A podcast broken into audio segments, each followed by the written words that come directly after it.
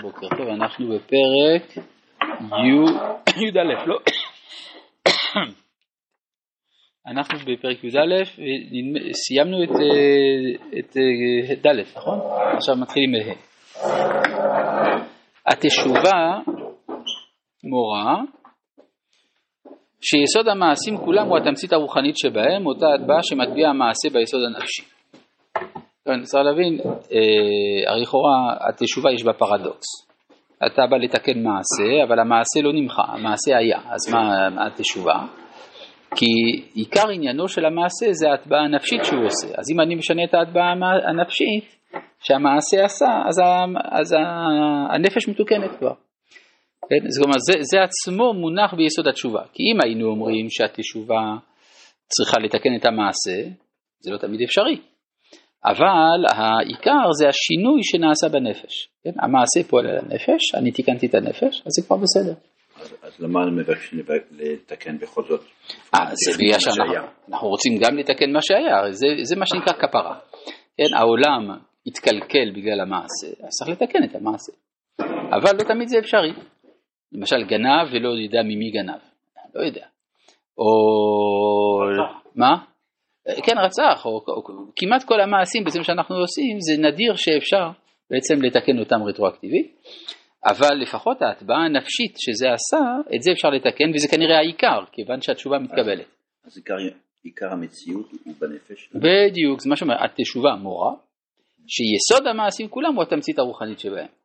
אותה, מה זה התמצית הרוחנית? הוא מסביר, אותה ההטבעה, כן, פירושה כמפרש, אותה ההטבעה שמטביע המעשה ביסוד הנפשי. נגיד כהן שהרג את הנפש, לא יישא את כפיו. כן, וגם הנפש שלו כבר לא יכולה להתקן ברמה כזו שהוא יכול לחזור לסעיף. נגיד ככה, ציבורית זה לא טוב. כהן שהרג את הנפש, אז הציבור אומר, הוא הרג את הנפש, הוא מברך, אז זה כבר כלפי החברה, אבל בינו לבין עצמו יכול להיות שתיקן. כן, יכול, כן, זה, שאלו את הרמב"ם, חכמי לונל, שאלו את הרמב"ם, איך מצד אחד כתבת שאין דבר שעומד בפני התשובה, ומצד שני אמרת שיש אנשים שלא מקבלים אותם בתשובה. אז ענה הרמב"ם, זה בינו לבין המקום, זה בינו לבין חברו. שהחברה לפעמים לא יכולה להכיל את זה. מה אתה אומר? הנושא הזה זה בדיוק הפוך מהנצרות, בנצרות על חטא אחד כולם סובלים בסוף כל הדורות. נכון, לפי הנצרות, אם לא היה תיקון למעשה, ולא הייתה כפרה, אז התשובה לא מועילה. כן, וזה בגלל אה, תפיסת יסוד במהות האדם. לפי, לפי היהדות, האדם הוא ביסודו טוב, ואז החטא הוא מקרי. כיוון שהחטא מקרי, ברגע שהוא חזר להיות טוב, אז הוא חזר אל עצמו. לעומת זה, לפי הנצרות, האדם ביסודו רע, אדם אשם, נולד אשם. ולכן, אם הוא לא תיקן את המעשה עצמו, למה יחזור? אל עצמו, עצמו רע. זה, ההבדל המהותי.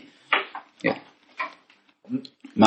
להם יש בעיה מראש, הם אשמים עוד לפני, כן. מהחטא כן. האדם הראשון. כן, נולד אשם. יש איזה הסבר של החסידים, אני חושב בשם הבעל שם טוב. כל הנשמות היו כלולות באדם הראשון. אז כשהוא חטא, מה קרה?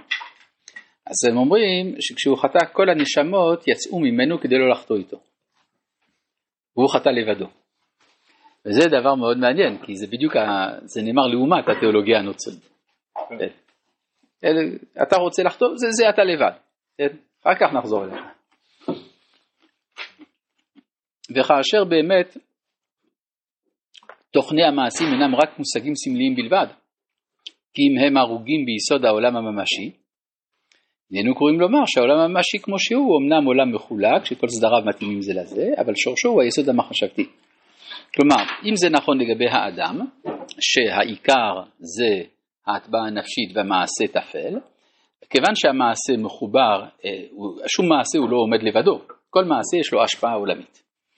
יוצא לפי זה שאנחנו יכולים להעתיק את הרעיון הזה אל היחס בין העולם המעשי ליסוד המחשבתי שביסוד העולם. כלומר, גם העולם בכללו, העיקר בו זה נשמת העולם ולא המעשים של העולם. אז העולם בנוי כאילו מגוף ונשמה. והעיקר נשמת העולם. רעיון שחוזר הרבה ברב קוק, שיש כביכול נשמה לעולם כולו. רעיון אלכסנדרוני עתיק, שאחר כך התגלגל בקבלה הגיע עד הרב. טוב, אז אומר, אה, אז אה, אני שוב חוזר לביטוי, וכאשר באמת תוכני המעשים אינם רק מושגים סמליים בלבד, אה, אינם רק מושגים סמליים בלבד, כי אם הם הרוגים ביסוד העולם הממשי, כן, זאת אומרת, זה לא שב, שהמעשה זה, זה חלום, המעשה זה מעשה, זה ממשי. הננו קוראים לומר שהעולם הממשי, כמו שהוא, הוא אמנם עולם מחולק, שכל סדריו מתאימים זה לזה, אבל שורשו האחד, כן, הוא היסוד המחשבתי הכולל ומקיף אותו ונעלה ונשגב ממנו. והתשובה מרוממת את האדם ועולמו לעולמה היא. אז יוצא לפי זה שאם אני עושה תשובה על מעשה פרטי, שבעצם לא, לא קלקלתי את כל העולם כולו, עשיתי מעשה אחד. אבל אני עושה תשובה על זה, אני בעצם מרומם את העולם כולו יחד עימי. ששם המציאות כולה עומדת בבהירות התוכן הרוחני שלה, והעולם ההוא בעוצם רוחניותו שלט הוא על עולמנו המעשי המוגבל. כן, זה תמיד, גם ברב קוק רואים את זה הרבה פעמים, שהמציאות האמיתית העיקרית היא העולם הרוחני. מישהו פעם באקדמיה אמר שאצל הפילוסופים ברור שיש עולם ושאלה אם יש אלוהים, אצל הרב קוק ברור שיש אלוהים, השאלה אם יש עולם. צריך להצדיק, האם באמת העולם קיים? זה, זה. כן. כן, שאלה. כן, זה קוראים, בפילוסופיה קוראים לזה אקוסמיזם, כמו שיש אתאיזם יש אקוסמיזם. כן. וכפי אותה ההטבעה המחוקה בעולם התשובה העליון על ידי המחשבה, נקבעת היא ההסדרה של העולם המעשי. לפי זה יוצא שזאת מערכת של איזון חוזר. כן, אדם עשה מעשה, עלה אל עולם התשובה. ומעולם התשובה יש השפעה על עולם המעשה. וכו'. זה נקרא, והנה מלאכי אלוהים עולים ויורדים בו. כן. כן, אם אנחנו הולכים בכיוון הזה, בן אדם או מישהו שחוזר בתשובה או שיודע, הוא יכול לשנות את חוקי הטבע, הוא יכול להפוך את כל כן. הניסים. טוב, חוקי הטבע זה קצת אה, הרבה, לא תמיד זה אפשרי, אבל, אה, אבל משנה את אופיו של העולם. זה, כן, יש שינויים שנעשים בעולם באופן סמוי, כן, זה מלא באופן הדרגתי, ריכוך, יש ריכוך של, ה, של קשיות העולם. ואת זה אפשר לראות לאורך אלפי שנים, ש, שהמדרגה המוסרית של העולם השתנתה, וזה נעשה באופן הדרגתי, לא מורגש, אבל באופן הדרגתי רואים שערכים משתנים. זה על ידי התשובה, כן. בעולם הטבע יותר מרוכך? כן, כן, משהו כזה. אפילו... אה, העולם פחות חיים? כן, אפילו הנמרים פחות טורפים. אה, משהו כזה, אה? יש פחות נמרים, אבל גם איפה שיש נמרים. או למשל, יש סיפור על הרב של תלמסן, מכירים? הסיפור של הרב של תלמסן, כן, שהוא רכב על האריה. כן, עכשיו מסביר רבי חיים בליח, בפירושו לספר, אתה מכיר את הספר אולי? כן, מה? איך קוראים לזה?